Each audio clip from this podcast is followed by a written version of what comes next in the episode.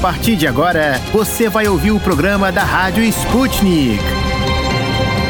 Olá, queridos ouvintes. Meu nome é Ana Liv Esteves e eu tô aqui com o meu colega Pablo Rodrigues para comandar mais um programa da Rádio Sputnik diretamente de Moscou. Saudações, ouvintes! É um prazer começar mais uma semana com vocês. Vamos começar o nosso giro de notícias no Brasil. O estado de Minas Gerais segue sofrendo com as fortes chuvas que atingem a região há pelo menos três dias. No domingo, dia 9 de dezembro, um alerta foi feito aos moradores das cidades cidades de Pará de Minas, Pitangui, Onça de Pitangui, São João de Cima, Casquilho de Cima e Conceição do Pará, para que deixem suas casas devido ao alto risco de rompimento da barragem na usina do Carioca. O estado montou um esquema de acolhimento das famílias que devem deixar suas casas por causa de mais essa ameaça provocada pelas chuvas no Brasil. Além da preocupação com fenômenos climáticos, o Brasil ainda tem que ficar de olho no seu desempenho econômico a indústria brasileira registrou seis meses consecutivos de recuo na produção, segundo o jornal Estadão. O resultado indica que a indústria brasileira teve uma década perdida, com queda de 20% na produção desde 2011. Segundo o Instituto Brasileiro de Geografia e Estatística, o IBGE, nos últimos 10 anos, o PIB brasileiro recuou 33%, eliminando aproximadamente 800 mil empregos no setor. Além da pandemia, problemas estruturais culturais, combinados com as crises econômicas, contribuíram para a queda, agravando o desempenho e reduzindo o potencial do setor mais capaz de impulsionar o PIB.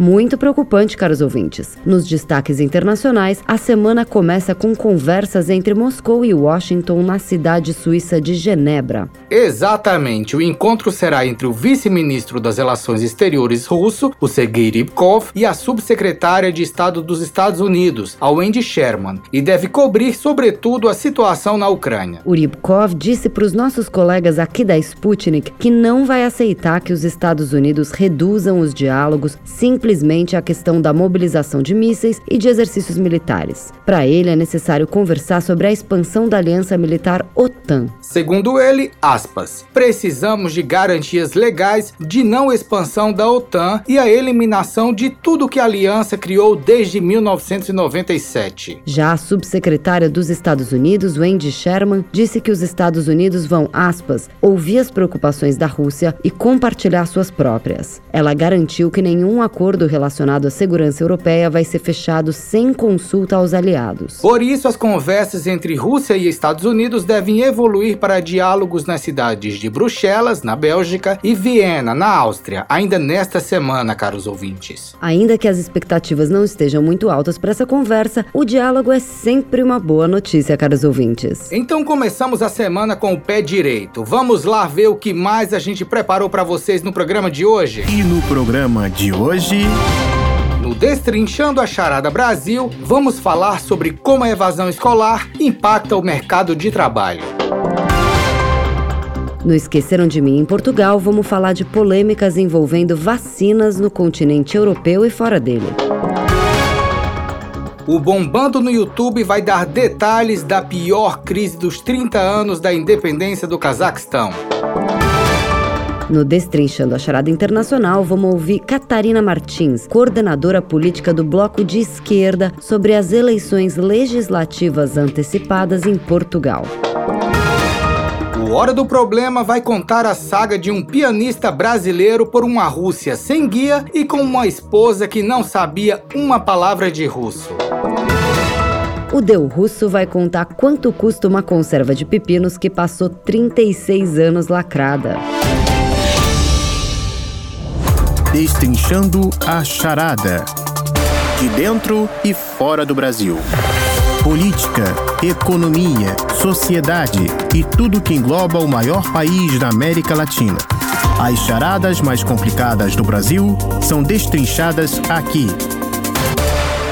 Olá, ouvintes! No Destrinchando a Charada Brasil de hoje, vamos falar sobre os impactos da evasão escolar no mercado de trabalho. Um problema que já rondava o país nos últimos anos e que se ampliou com a pandemia da Covid-19. Na segunda pesquisa GO2 Mob FirstCon pós-vacina Covid-19, 42,9% dos entrevistados das classes C e D disseram que os filhos pararam ou pretendem parar de estudar para ajudar em casa. O número é maior em relação ao registrado na primeira edição do estudo, realizado em março de 2021. Na ocasião, caros ouvintes, 31% dos entrevistados fizeram esta afirmação. Esse crescimento reflete os danosos efeitos da crise econômica que afeta o país, com alto nível de desempregados, alta taxa de informalidade e aumento da inflação. Um levantamento da organização Todos pela Educação aponta que o Brasil tinha em 2021 244 mil crianças e adolescentes entre 6 e 14 anos fora da escola, um número 171,1% maior do que o registrado em 2019. O estudo foi produzido com base em informações da Pesquisa Nacional por Amostra de Domicílios, a chamada PNAD contínua, realizada pelo Instituto Brasileiro de Geografia e Estatística, o IBGE. Atualmente, empresários já relatam que não conseguem preencher vagas, o que contrasta com o grande número de desempregados no país. Uma das explicações apontadas é a falta de mão de obra qualificada. Bem, as vagas existem, mas o país não consegue formar pessoas para ocupá-las. Em meio a isso tudo, tem outro fenômeno que vem preocupando os especialistas: a geração nem-nem. São jovens que nem trabalham nem estudam. Uma pesquisa da consultoria e dados revelou que até o segundo trimestre de 2021, 30% dos jovens entre 15 e 29 anos não trabalhavam nem estudavam. Esse cenário traz impactos diretos para o mercado de trabalho, que precisa de mão de obra qualificada em uma sociedade cada vez mais tecnológica. E, consequentemente, traz impactos para a economia brasileira,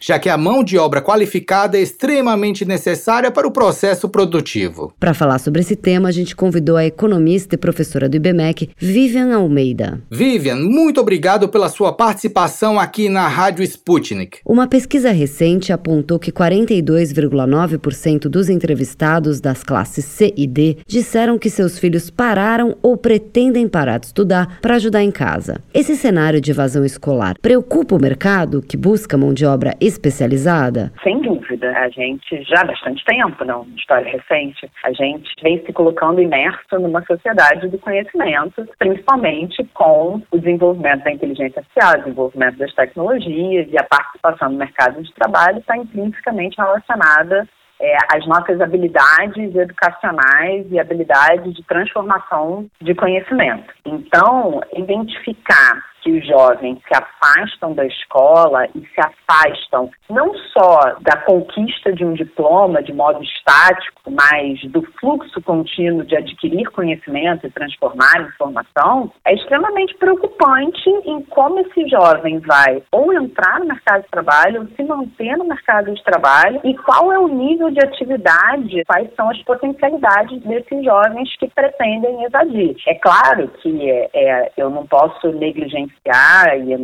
nessa análise que eu estou fazendo o fato de que as pessoas elas buscam a sua própria sobrevivência. Então, de modo algum, eu estou transferindo responsabilidade ou culpa para essas decisões. Né? A gente sabe que o país vem observando uma crise econômica muito significativa, associada a uma crise sanitária. As pessoas, como eu acabei de dizer, elas precisam sobreviver. Por isso, essa pretensão de saída que é compreensível, mas, sem dúvida alguma, preocupante no sentido de que como que esse jovem permanece, como que ele evolui no mercado de trabalho, como que ele tenta almejar rendas maiores, porque a gente sabe que altos salários estão diretamente associados a altos níveis educacionais, isso do ponto de vista individual. E do ponto de vista coletivo, a mão de obra especializada, a mão de obra mais educada, é o insumo para um país mais produtivo se a gente tira parte dessa população desse sistema educacional, a gente também está comprometendo a nossa produtividade presente e futura, como país. A pandemia por si só fez com que muitas aulas fossem paralisadas e, consequentemente, a formação de profissionais. Vivian, isso pode trazer algum impacto no curto prazo? Sim, sem dúvida. Antes de eu prosseguir, é claro que não havia estratégia diferente. A gente está e estava né, diante de um vírus, diante de uma pandemia, com risco de morte para as pessoas. Então, o afastamento das salas de aula compunha uma das medidas não sanitárias necessárias para serem realizadas. Feita essa ressalva de que essa era a estratégia possível, qualquer interrupção em processo de aprendizado, ou na verdade qualquer interrupção em qualquer processo, ele cria uma quebra. Por exemplo, nós estamos em bancos escolares, a gente sabe que férias, um período que precisou ficar afastado, o custo de entrada ele vai ser tão maior quanto mais tempo ficarmos afastados porque é natural que a gente não consiga prosseguir com o ritmo que a gente tinha dentro de uma sala de aula, não só em termos de estudo, mas até aquela convivência orgânica que a gente tem, que a gente vai aprendendo né, ali com aquela convivência. Essa interrupção faz com que a volta ela não se dê aonde parou, né? Ela precisa de um tempo maior para que a gente possa retomar. Então, sem dúvida, assim, a gente tem um impacto em termos de aprendizado. Além disso, a pandemia escancarou as múltiplas desigualdades que a gente vive no nosso país. Então, para as crianças que tinham acesso à internet de qualidade, a pais participativos dentro de casa, que puderam acompanhar. E aí, quando eu falo isso, não é nem um recorte de renda, porque muitos pais precisaram fazer, ainda que num recorte de renda mais alto, um home office, que não necessariamente conseguem acompanhar o processo de aprendizado dos filhos. Para as crianças que, de alguma forma, tinham esse arcabouço, a pandemia vai ter menos efeito, pelo menos no processo de aprendizado. Para as crianças que não tinham computador, não tinham internet, tinham um celular de baixa qualidade, o rompimento ele foi abrupto. E nesse rompimento abrupto, de novo, essas crianças, imagina a cena de uma corrida, né? Elas já partiam de pontos de partida desiguais. Agora, na verdade, elas se afastaram ainda mais. Quais seriam hoje os setores mais prejudicados por falta de mão de obra qualificada? Eu acho que um dos sintomas, né, que a pandemia acentuou e que a gente percebe, é que a gente tem uma necessidade de formação tecnológica muito grande. Então, a gente já tinha uma demanda maior por pessoas com a formação tecnológica, agora essa demanda ficou latentemente maior.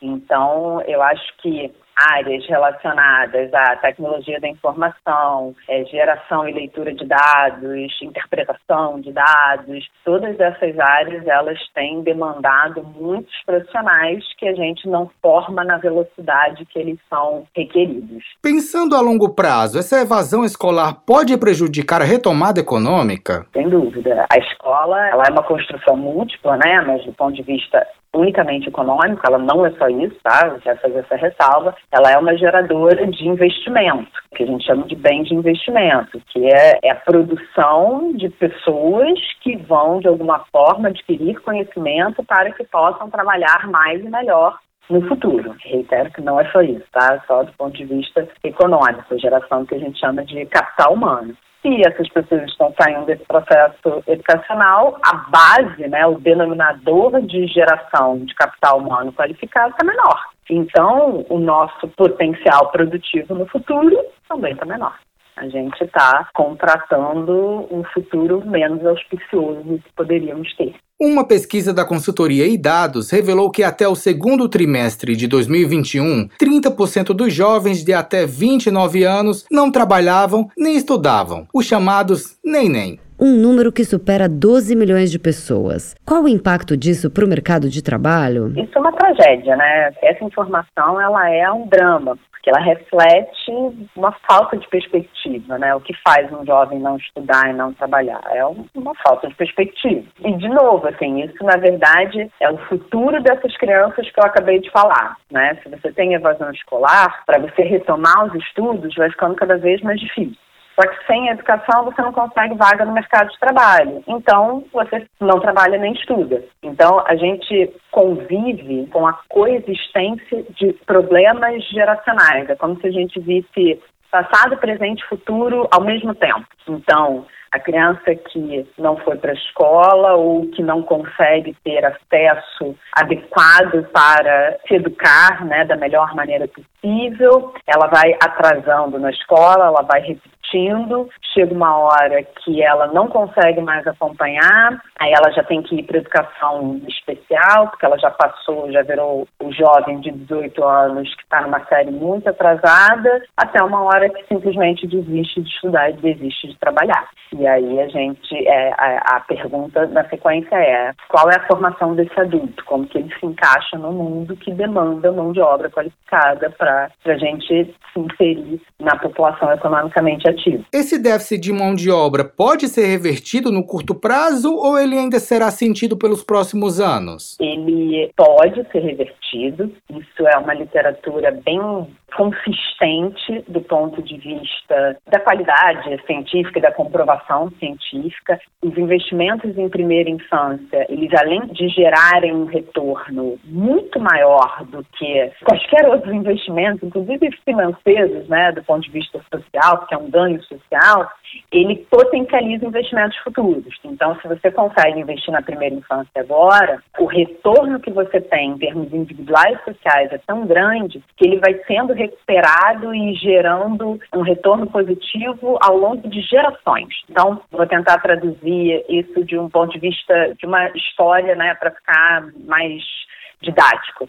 Assim, uma criança que ela tem é, garantia de que ela nasceu com pré-natal em dia, que a mãe teve um bom parto, que a mãe conseguiu amamentar e ela conseguiu ter saúde suficiente, é, amamentação, vacinação em dia, os instrumentos adequados, né, para ela ter aquela primeiríssima infância garantida, depois ela tem acesso à creche em período integral. É uma criança que ela vai segurar os investimentos que ela vai receber ao longo da vida de uma forma melhor. E, por outro lado, esse acesso, inclusive físico, de uma creche possibilita a mãe trabalhar. Então, ela tem o bem-estar garantido para ela mesma e para a família, porque a mãe confere uma renda. Veja, assim, é de zero a seis anos que ela tem garantido, que faz com que ela já chegue para a educação como uma criança que vai ter um potencial muito maior. E, ao mesmo tempo, esse é um tipo de investimento custo-efetivo, porque ele é barato. Então, investir na primeira, na primeiríssima infância,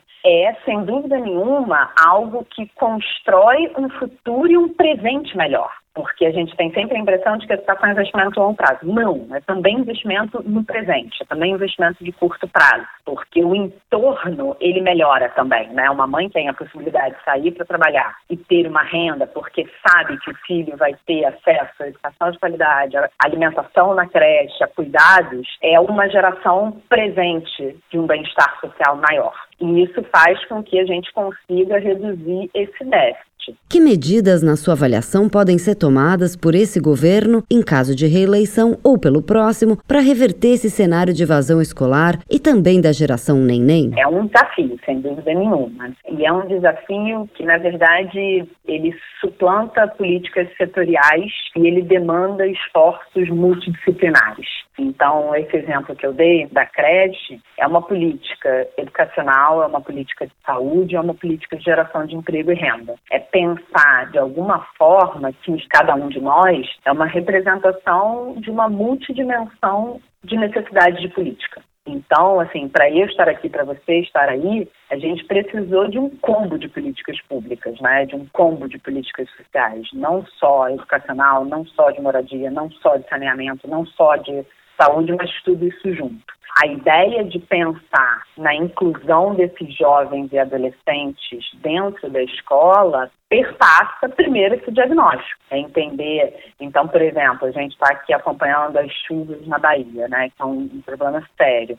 Saneamento básico e prevenção desse tipo de catástrofe é também uma política de permanência na escola. Nossa, Viviane, mas que estranho você falou. Não, assim, crianças com acesso a saneamento são crianças mais saudáveis, são crianças que podem permanecer na escola. Uma criança que fica doente o tempo inteiro é uma criança que não consegue acompanhar né, a educação no seu aspecto de continuidade. Então, a ideia de permanência de uma criança na escola e de motivação de jovens e adolescentes perpassa esse diagnóstico de entender. Então, por exemplo, a tecnologia da informação, como eu falei, né, de, que é a demanda, é, o que, que um jovem precisa para isso? Ah, ele precisa de um curso, ele precisa de uma imersão, ele precisa de um espaço em que ele fique o dia inteiro, que ele tenha acesso à alimentação, né, para ele chegar em casa e dormir, para ele chegar em casa e poder ter a tranquilidade de que ele vai voltar no dia seguinte. Ele precisa de uma bolsa para que ele possa permanecer, para que a luta pela sobrevivência não brigue com o tempo dele para estudar. Então, é, a gente vive num mundo muito desafiador, mas que também apresenta algumas oportunidades. A geração de dados e o entendimento individual, ou então, pelo menos de grupos, quais são as demandas daqueles grupos, são super interessantes, porque a gente pode transformar isso na geração de conhecimento para que a gente possa criar políticas para determinado local. Se educar não é barato para quem tem a luta pela sobrevivência, né? Porque disputa tempo com isso, com tentar dinheiro de alguma forma para poder comer. Então, assim, resumindo, é olhar sempre para esse grupo, né, crianças, adolescentes e jovens, como um grupo que precisa de políticas relacionadas, de políticas que estão, de alguma forma, conectadas com o objetivo de manter esse grupo dentro da sala de aula. O desafio é grande e complexo, mas precisa ser encarado o mais rápido possível. Com certeza, Pablo. Vivian, muito obrigada pela sua participação. Essa foi Vivian Almeida, economista e professora do IBMEC. O nosso Destrinchando a Charada Brasil fica por aqui. Até amanhã.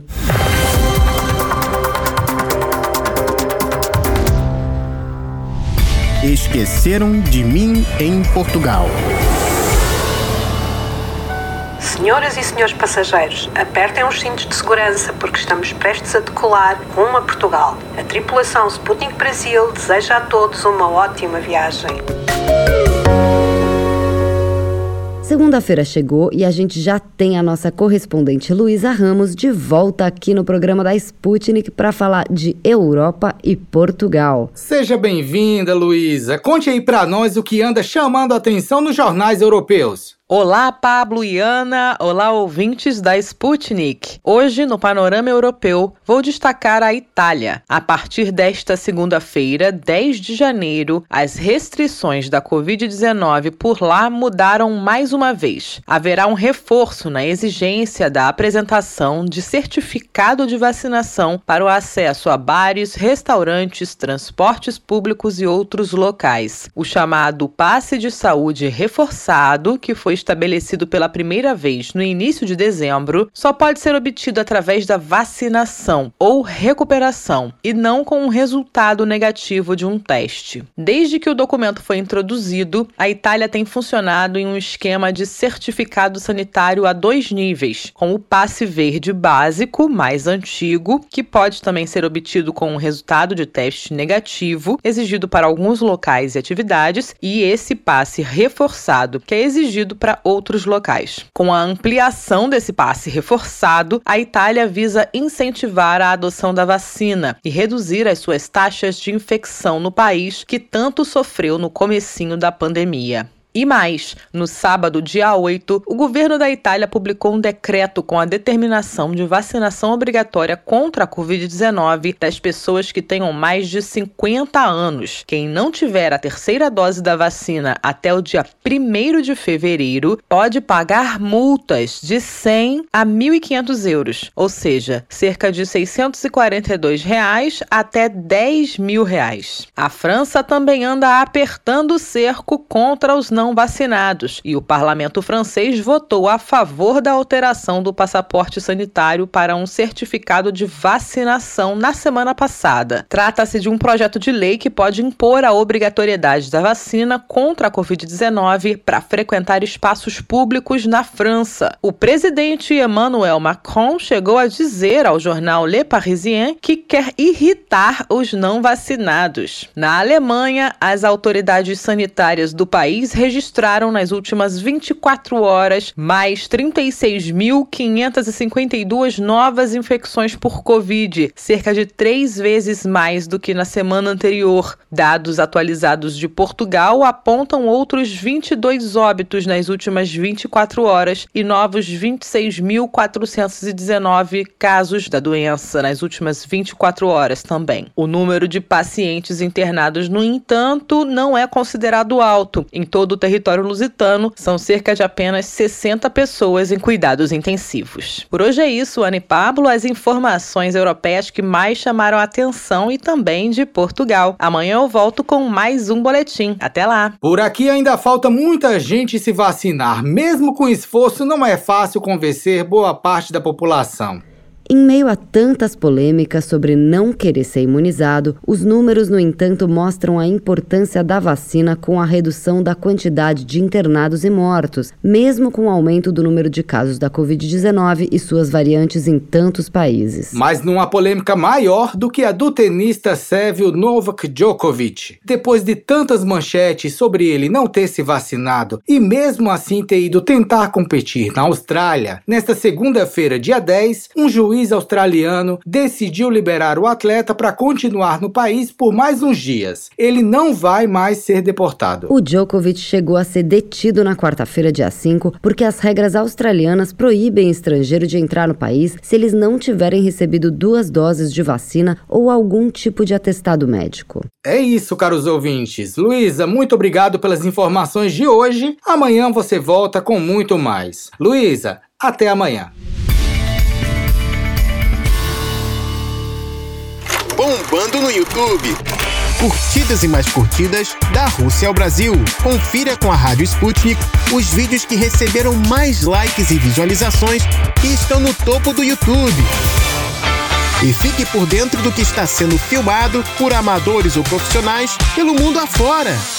O nosso colega da redação da Sputnik Brasil, Tito da Silva, vai contar para vocês, ouvintes, quais são os vídeos que estão ganhando todas as visualizações e curtidas no YouTube. Olá, Tito. O que está bombando no YouTube nessa segunda-feira, dia 10? Olá, amigos da Rádio Sputnik. Eu me chamo Tito da Silva e estes são os vídeos que estão bombando no YouTube nesta segunda-feira, 10 de janeiro. No topo da lista de hoje, o presidente do Cazaquistão, Kassim Jomart Tokayev, disse que seu país foi alvo de um plano preparado por muito tempo, cujo objetivo era conquistar o poder. Entre os envolvidos nas ações violentas que causaram um rastro de destruição em várias cidades cazaques, Takaev disse que havia também radicais religiosos. Enquanto inicialmente os protestos visavam a redução do preço do gás liquefeito, Takaev ressaltou que apesar de ter atendido às exigências dos manifestantes, os protestos ganharam um novo nível, se tornando ainda mais violentos. Para assistir a parte do discurso do presidente, é só você digitar no YouTube Takaev. Eventos no Cazaquistão foram coordenados a partir de um único centro por muito tempo. E no segundo vídeo de hoje, o secretário de Estado norte-americano Antony Blinken acusou o presidente russo Vladimir Putin de almejar a restauração da extinta União Soviética. Segundo ele, Putin tenta criar uma esfera de influência nas ex-repúblicas soviéticas, o que seria inaceitável de acordo com suas palavras. Em uma coletiva de imprensa posterior à acusação de Blinken contra Putin, o funcionário do governo norte-americano levantou dúvidas sobre a necessidade do envio de uma força de paz para o Cazaquistão da CSTO, a qual também engloba um contingente militar russo. Enquanto o Cazaquistão vive cenas caóticas e com mais de 160 pessoas mortas, Blinken afirmou acreditar que o país tinha condições próprias de resolver seus problemas internos sem a necessidade de pedir ajuda da CSTO. Para assistir ao vídeo, é só você digitar Estados Unidos. Putin quer restaurar a União Soviética. E no terceiro vídeo de hoje, você gosta de saber coisas interessantes sobre o corpo humano? Pois bem, o canal Fatos Desconhecidos resolveu explicar como parar com qualquer dor em poucos minutos. Para efeito de estudo, o canal trouxe um caso consideravelmente intrigante de um monge que decidiu colocar fogo em si próprio no Vietnã. Até aí o caso não tinha nada de novo, visto que na história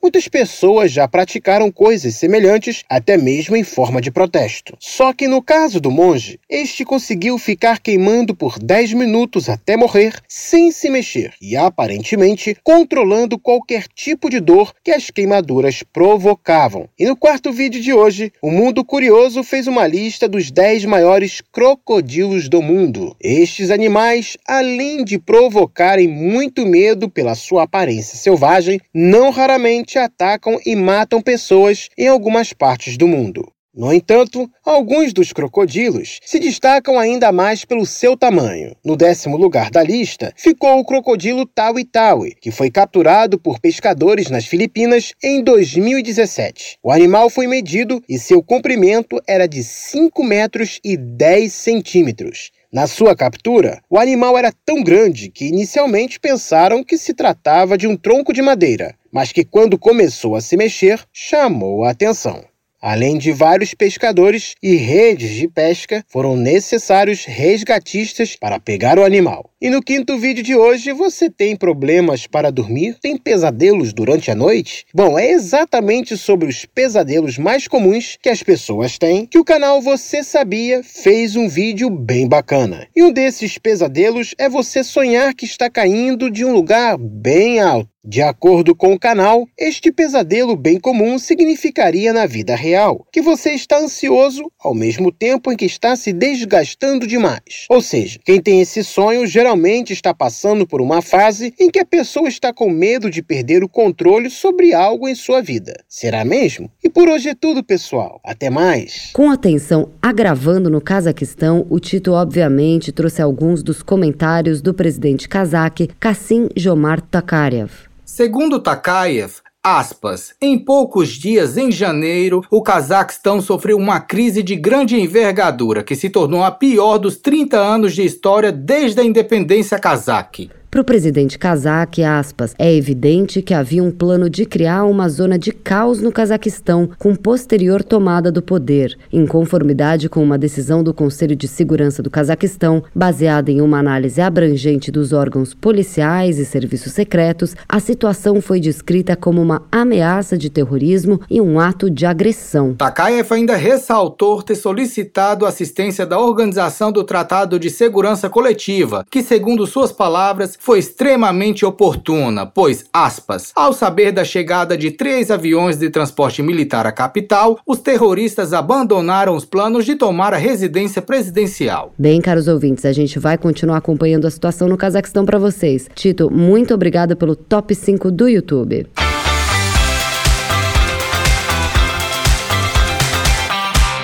Destrinchando a charada. Encruzilhada Internacional.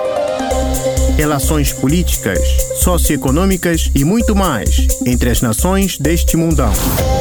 Da Rússia aos Estados Unidos. Encontre com a gente as respostas às perguntas do momento.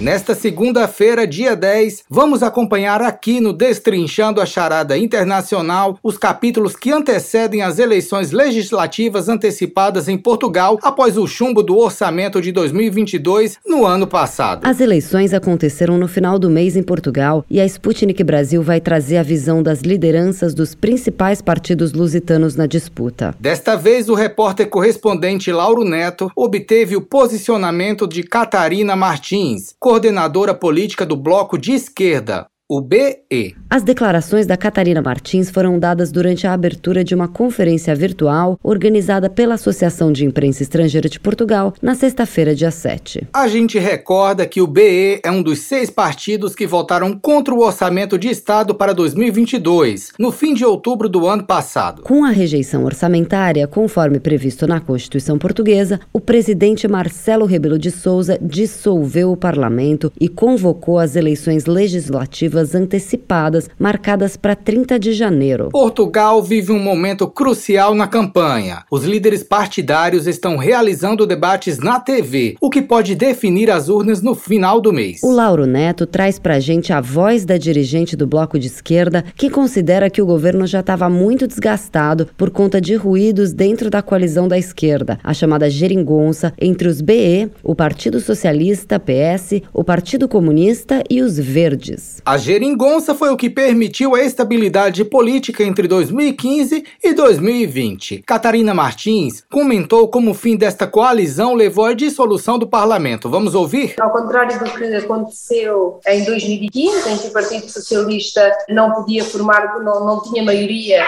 mas em que houve um acordo com os partidos de esquerda no Parlamento, o Partido Socialista fez acordo com o Partido de esquerda no Parlamento para assegurar uma maioria parlamentar para a legislatura, e a legislatura, como sabem, foram quatro quatro anos, 2015 e 2019, dos anos que mais Portugal mais cresceu, desde que está na zona euro, e em que houve conquistas do ponto de vista do Estado Social, dos direitos de trabalho, que, tendo as suas limitações, foram reconhecidas como sendo significativas. Em 2019, o Partido Socialista recusou o acordo, o Bloco de Esquerda propôs um acordo em duas áreas fundamentais, saúde e trabalho. Desde aí temos vivido numa situação de negociação caso a caso, orçamento a orçamento, em que o Partido Socialista tem vindo a entender-se crescentemente com o Partido Social Democrata eh, e tem deixado a esquerda naquela posição de ou aprova o orçamento ou há uma crise política. Agora, mesmo com o PCP, o PS foi incapaz de chegar a acordo, não houve orçamento de Estado e o Presidente da República decidiu que era a altura de ir a eleições. Julgo que essa foi a vontade do Partido Socialista.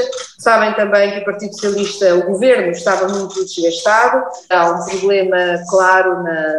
Existia um problema claro e reconhecido de desgaste do governo. E o Primeiro-Ministro decidiu fazer este salto para a frente, convocando, provocando uma crise política para ter eleições e tentar pedir a maioria absoluta. Do nosso ponto de vista, é um erro. Este não seria o momento para fazer eleições e mantemos a nossa determinação para questões fundamentais do trabalho e da saúde que nos parece parecem, a par com o clima, das questões fundamentais neste momento para resolver em Portugal, saúde e trabalho são as nossas enormes fragilidades, enfim, vamos a estas eleições também com o objetivo de manter o Bloco de Esquerda como terceira força política e não permitir que a extrema-direita ganhe expressão em Portugal. Sobre as novas negociações entre o BE e o PS, ou a criação de uma nova versão da geringonça depois das eleições, a deputada comentou o seguinte: Na verdade, depois das eleições, ninguém vai estar a negociar um orçamento do Estado.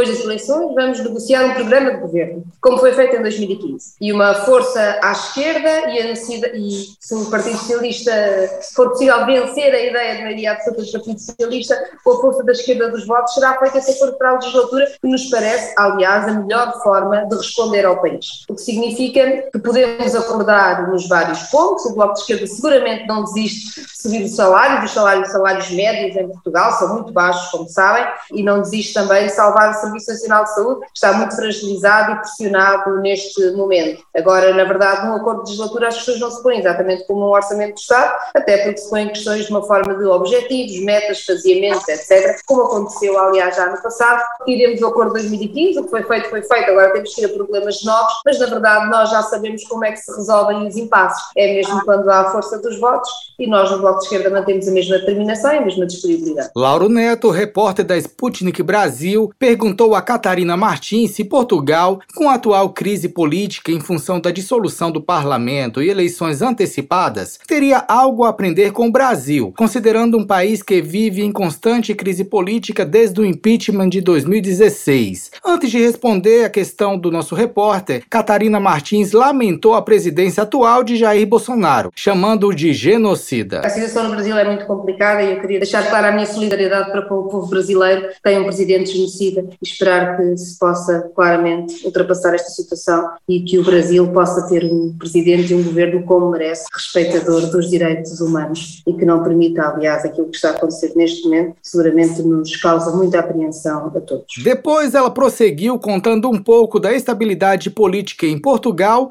antes da crise. Portugal não vive em permanente crise política. Houve neste momento uma situação de impasse e a solução que foi criada pelo Presidente da República foram eleições. Mas eu lembro que nós vivemos seis anos com um governo minoritário e, portanto, e com estabilidade nas decisões que foram tomadas. E mais, o governo português teve todo o apoio, e teve todo o apoio até do Bloco de Esquerda, para as medidas que foram necessárias no âmbito da resposta à pandemia. Mesmo havendo, havendo diferenças, nunca usámos a pandemia para esse debate e mesmo quando tínhamos dúvidas sobre algumas das medidas ou algumas formas, achámos sempre que não se devia criar pântano nem crise política sobre o que era fundamental e, portanto, o governo português teve todas as condições de estabilidade. Aliás, é bom lembrar que o governo minoritário, com a estabilidade que teve o Partido Socialista, é, aliás, caso único em Portugal e mostra essa capacidade da esquerda de criar soluções. E devo dizer que a estabilidade não é só uma estabilidade do que os partidos pensam, é da vida das pessoas. E o maior período de estabilidade foi precisamente entre 2015 e 2019, em que houve estabilidade no salário,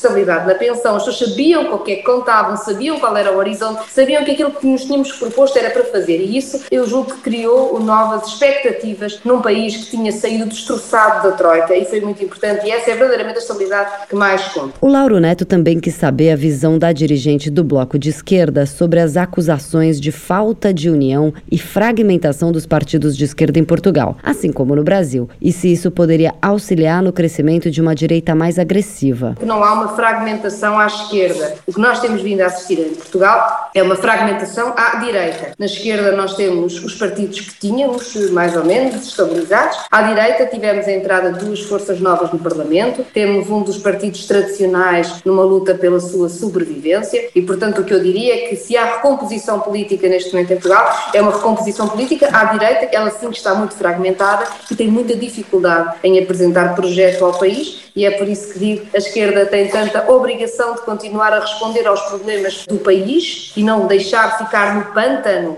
o que são as respostas concretas à vida das pessoas, precisamente para não dar, eh, digamos assim, mais razão a uma direita fragmentada e que começa a aprender, e eu diria até provavelmente com ajuda vária, com a extrema-direita mais eh, perigosa. E, portanto, a forma de a travar é ter responsabilidade em responder aos problemas das pessoas. Deixarmos que as pessoas fiquem sem acesso a cuidados de saúde em Portugal, aí sim estaremos a dar uma grande borla à extrema-direita e isso nós não faremos. Lauro Neto questionou se Catarina Martins considerava comparável a crise pós-impeachment no Brasil com a situação de crise pós-dissolução do parlamento em Portugal. A dirigente negou, reforçando que, na opinião dela, em Portugal há funcionamento da democracia, enquanto no Brasil não. Eu acho que não é comparável de todo a situação em Portugal com a situação do Brasil. Em Portugal há um funcionamento da democracia que não existe no Brasil. Em Portugal, mesmo num período em que não houve um entendimento sobre um orçamento e o Presidente da República decidiu convocar eleições, é verdade que isso é inédito em Portugal, ou seja, decidiu-se fazer eleições por causa de um orçamento. Havia, aliás,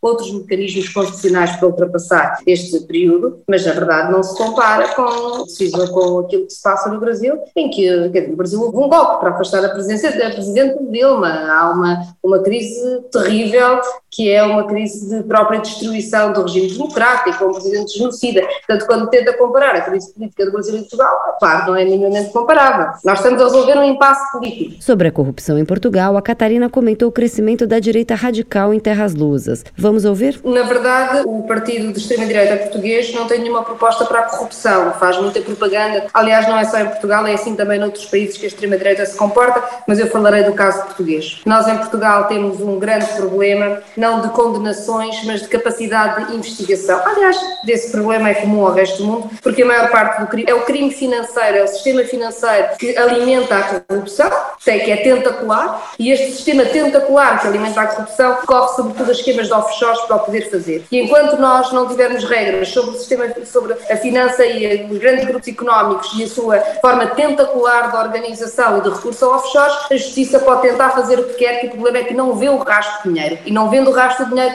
não consegue condenações. Nós temos lutado tanto para desvendar estes tentáculos e temos tentado pela proposta e queremos, nomeadamente, criminalizar as transferências para, para, para offshores. Enfim, a extrema-direita, tudo o que diz são umas generalidades que não vão mudar nunca nada. Há uma razão para a extrema-direita ser absolutamente levada ao colo no sua, naquilo que diz. É o poder económico corrupto. Veja bem, quando nós vemos quem são as pessoas ligadas ao partido da extrema-direita, quem são os financiadores, vemos pessoas que estiveram ligadas aos escândalos financeiros, vemos pessoas que estão ligadas aos escândalos dos offshores, que apareceram nos Panama Papers, entre outros, e portanto sabemos que existe de facto uma elite económica interessada no crescimento da extrema-direita, que fala da corrupção para cavalgar ódios e ter votos ao mesmo tempo garante que tudo fica na mesma, para que aqueles que causam o crime económico e que semeiam a corrupção possam continuar a ter o poder que têm e a fazer o que fazem, que é um fenómeno conhecido infelizmente e não é só deste tempo, é pena que não se aprenda mais com o que está a acontecer noutros países e com o que aconteceu ao longo da história. Sobre a constante comparação entre a política espanhola e portuguesa, a deputada Catarina Martins foi perguntada sobre a impossibilidade do prosseguimento da geringonça com o Partido Socialista em Portugal e sobre os principais erros da coligação. A situação em Espanha e em Portugal é diferente por muitas razões, desde logo porque Espanha é um Estado com, muito, com várias nacionalidades e com diferentes, com uma geometria política diferente também por isso. Devo, aliás, lembrar que a posição do Bloco de Esquerda eh, sobre o Estado espanhol é que é absolutamente necessário, nomeadamente na Catalunha, não criminalizar aquilo que é uma questão política fundamental da decisão de um povo. O Bloco de Esquerda não teve votos suficientes para ir para o governo. O equilíbrio de forças não o permitia. E isso é muito importante, porque o acordo que foi feito entre 2015 e 2019 dependia do equilíbrio de forças do programa do governo. Sem força suficiente para um programa que pudesse ser de esquerda, é difícil. O Bloco de Esquerda não podia estar no governo, mas podia sim e devia apoiar um governo que afastasse a direita e que desse alguns passos num horizonte de recuperação de serviços públicos, de Estado Social, de salário. É essa a diferença. Imagino que seria se nós tivéssemos ido para o governo com a força relativa que tínhamos. Passado poucas semanas, diria mesmo, o governo tinha ido abaixo quando o Partido Socialista decidiu fazer a resolução do BANIF com o apoio da direita, de uma forma que o Bloco de Esquerda nunca podia aceitar que fosse feita aquela resolução bancária daquela maneira, mas não tínhamos força suficiente para impor uma outra forma de lidar com aquela resolução bancária. É por isso que para o governo, ir para o governo, não é uma questão de vontade individual ou de negociação, é uma questão de força nos votos. É esse um lugar em relação à intransigência do Partido Socialista. Nós olhamos com muita atenção para o que se está a passar em Espanha, não sabemos ainda muito bem como é que se vai desenrolar este dossiê, mas eu chamo a atenção para o seguinte: o Partido Socialista em 2019 não quis fazer acordo com o Bloco de Esquerda porque disse que na legislação laboral não queria mexer e não iria mexer. Há um acordo em Espanha sobre legislação laboral, com muitas dificuldades, como estamos todos a ver, vamos ver com muita atenção como vamos, se vai desenrolar nos próximos tempos, mas é verdade que o Partido Socialista em Portugal fechou a porta a um acordo porque disse que no trabalho não se mexe. E isso é inaceitável porque todos vemos como aliás nos anos da Troika em Portugal e em Espanha não se chamou Troika, mas não foi muito diferente. Houve uma pressão sobre a legislação laboral que acaba por ter danos profundos na capacidade de distribuição de rendimento entre o trabalho e o capital. Eu gostaria de lembrar que Portugal, os, o peso dos salários no PIB é inferior à média europeia, a média europeia é já muito má, nós estamos num dos períodos de maiores desigualdades da história e em Portugal essa desigualdade é ainda maior do que em Espanha também e é portanto tão fundamental e aí houve muita exigência do PS. Por fim, Catarina Martins comentou como os partidos de esquerda em Portugal observam as eleições presidenciais francesas em abril deste ano, possuindo a França uma grande população de portugueses. Eu acho que França é um exemplo preocupante de uma rampa deslizante para a direita, para a extrema-direita. Ou seja, com medo da extrema-direita, dos argumentos da extrema-direita, o centro foi ficando com uma política cada vez mais à direita. Como a extrema-direita ganhava votos dizendo mentiras sobre a imigração, o centro da direita direita achava que tinha que impedir a imigração ou fazer a vida negra aos imigrantes. Cada vez que na Europa o centro-direita desliza para a extrema-direita para tentar travar os votos que a extrema-direita tem, em vez de ter a coragem de defender a decência e os direitos humanos, a extrema-direita cresce. É por isso que são inaceitáveis os argumentos, que dizem que a esquerda tem que aceitar qualquer coisa porque só a direita pode ganhar eleições. Que é o mesmo argumento que diz que depois a direita, o centro deve aceitar qualquer coisa, senão a extrema-direita tem o poder. E é o mesmo argumento que faz com que em França hoje se discute se há uma extrema-direita que é ainda pior e mais selvagem do que a outra extrema-direita. E é contra esta rampa deslizante que eu acho que quem é democrata tem que se levantar. E é preciso ter a decência, às vezes, de uhum. defender medidas que são complicadas de defender. Podem não ficar bem nos algoritmos desta vida, mas que são aquilo que separa a civilização da selvageria. É um tema complicado em todos os países. Em todos os países temos de ter a coragem de defender a decência e a democracia, mesmo quando é complicado. Bom, pessoal, esta foi a Catarina Martins, coordenadora política do Bloco de Esquerda, o BE, em uma conferência virtual organizada pela Associação de Imprensa Estrangeira de Portugal na sexta-feira, dia 7, na qual qual o nosso repórter correspondente da Sputnik Brasil, o Lauro Neto, esteve presente e fez perguntas. Para ler a reportagem do Lauro Neto no nosso site, basta acessar br.sputniknews.com e procurar por Em Portugal, a funcionamento da democracia, mas não no Brasil, com para líder do bloco de esquerda. E por hoje ficamos por aqui na nossa pauta internacional. Até amanhã.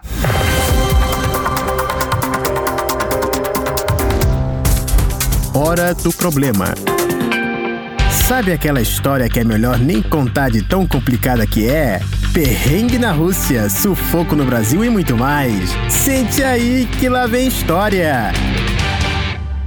Se preparar para uma viagem para outro país nunca é fácil, caros ouvintes. Ainda mais quando esse país é a Rússia. Outro idioma, outra cultura, outros costumes. A primeira coisa que quase todo mundo faz é procurar conhecidos para conseguir ajudar na locomoção, na hospedagem e muito mais. Mas o que fazer quando não tem ninguém para ajudar? Bem, vamos descobrir com o maestro e pianista Alexei Lissonenka, que já tinha visitado a Rússia em 2010 com auxílio de um amigo e que decidiu voltar em 2018, mas dessa vez sem uma mão amiga. Mas Alexei, você não veio para a Rússia em 2018 sem nenhuma bagagem russa, correto? Alexei, você foi criado no Brasil pelos seus avós da Rússia, verdade? Me diz uma coisa: o que os seus avós te ensinaram de russo acabou te ajudando na sua viagem de 2018? A minha criação, eu morei com meus avós Alexei e Alexandra dos 7 aos 15 anos. Aí eu fui coroinha, tive contato com a cultura, com o idioma,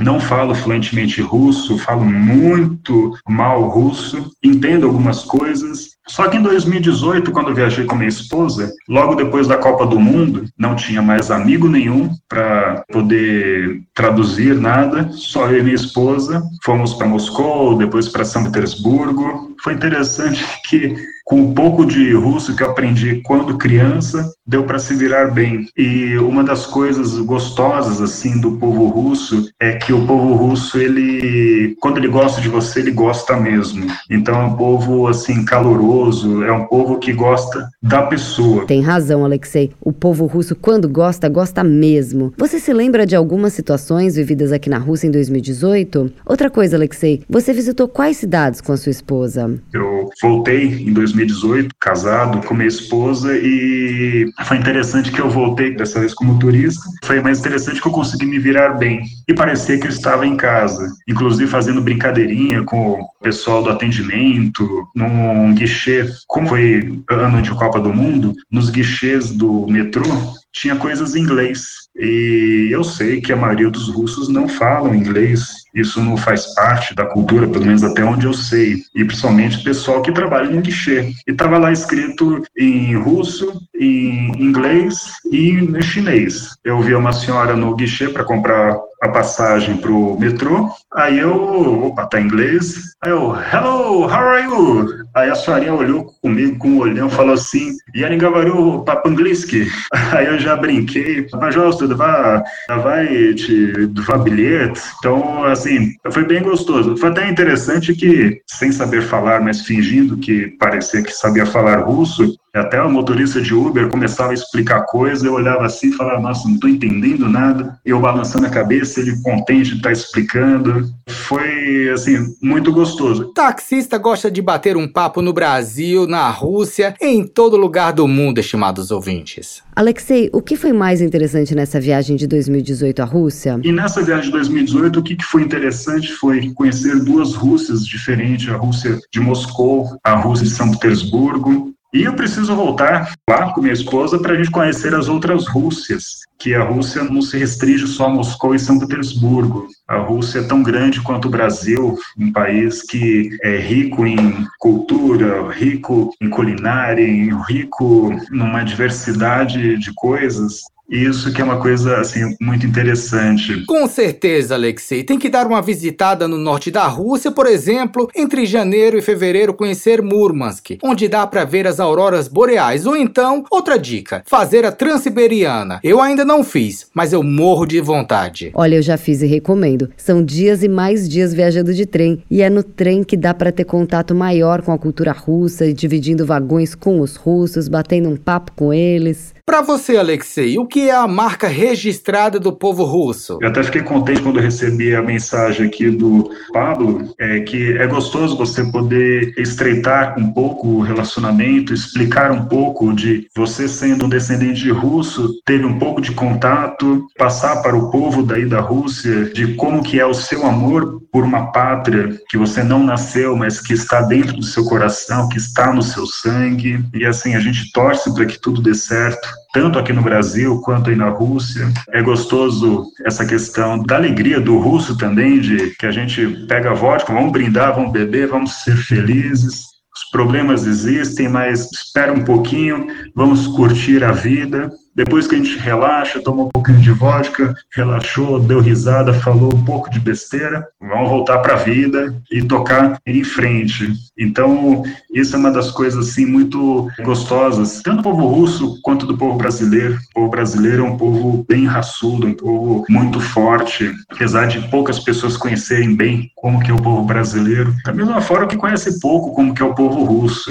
Mas uma coisa é que isso eu falo com orgulho sobre o povo russo. É um povo que tem orgulho da sua nação, da sua pátria e consegue colocar isso dentro de pessoas que não nasceram no país que tem, às vezes, um pouco de descendência, um pouco de ascendência, um pouco de contato, e pessoas assim que são entusiastas da cultura, então, é uma nação que consegue cativar pessoas que muitas vezes não têm nada a ver com a cultura e acabam abraçando essa grande nação. Então, assim, me orgulho do meu nome, tenho um enorme prazer, não só por ser russo, o nome russo, mas por causa dos meus avós. Meus avós, Alexei e Alexandra, são o maior exemplo que eu tenho de caráter, de honestidade, de integridade, de amor ao próximo, amor ao que faz. Então, isso é uma coisa muito importante, é aquela coisa de fazer as coisas com paixão. Quem quiser conhecer melhor o maestro e pianista Alexei Lissonenka, basta dar uma checada nas contas do Instagram dele, piano underline branco ou maestro underline Alexei, com X. Não é isso, Alexei? Convidar para as pessoas me conhecerem, podem me seguir lá e agradecer a oportunidade de poder estar contando um pouquinho dessa minha história, mesmo que rapidamente. E se alguém tiver alguma curiosidade, quiser conhecer do Brasil também, eu tenho grande prazer em contar sobre o Brasil. Eu acho que tem tudo a ver o Brasil com a Rússia. Só o Brasil é mais calorento, o povo é mais calorento. E o russo gosta de gente calorenta assim. Isso no sentido de bem amistoso. E o russo gosta de pessoas que quebram o gelo, ele se sente à vontade. Então, é um povo que combina junto com o outro. Mas olha, muito obrigado pela oportunidade e fico à disposição aqui. E quem quiser escutar, Maestro Alexei, o Piano Branco. Grande abraço para vocês. Da Cidânia, pacá, pacá, baixai espaciba. Tchau. Alexei, muitíssimo obrigado pelo bate-papo. Esperamos que o seu Réveillon tenha sido rodeado de entes queridos e desejamos um ótimo 2022 para você. Abraços.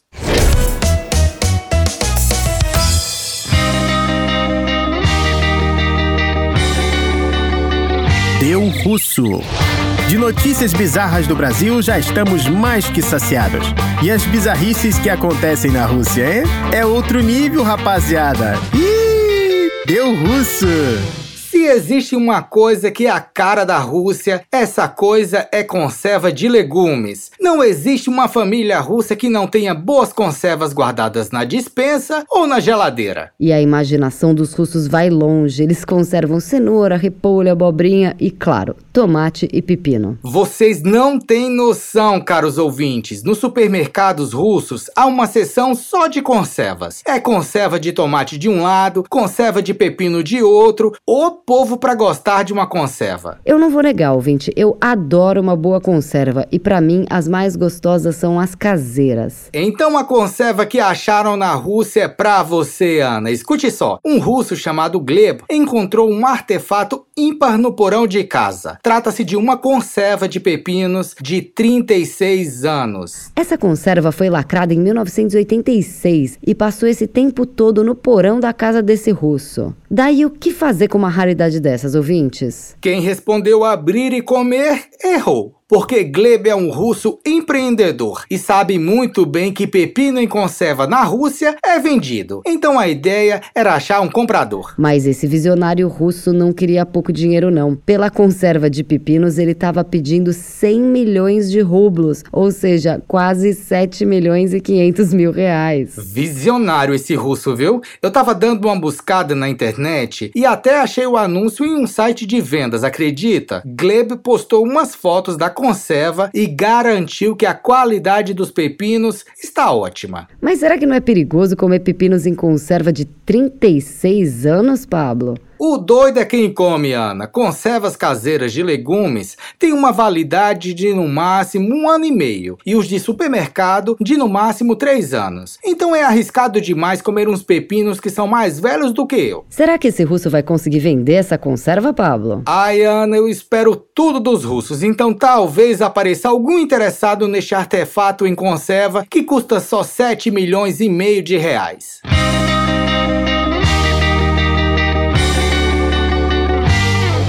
Siga Sputnik Brasil no Twitter para sempre estar por dentro das notícias mais importantes do momento. Hora de dar tchau.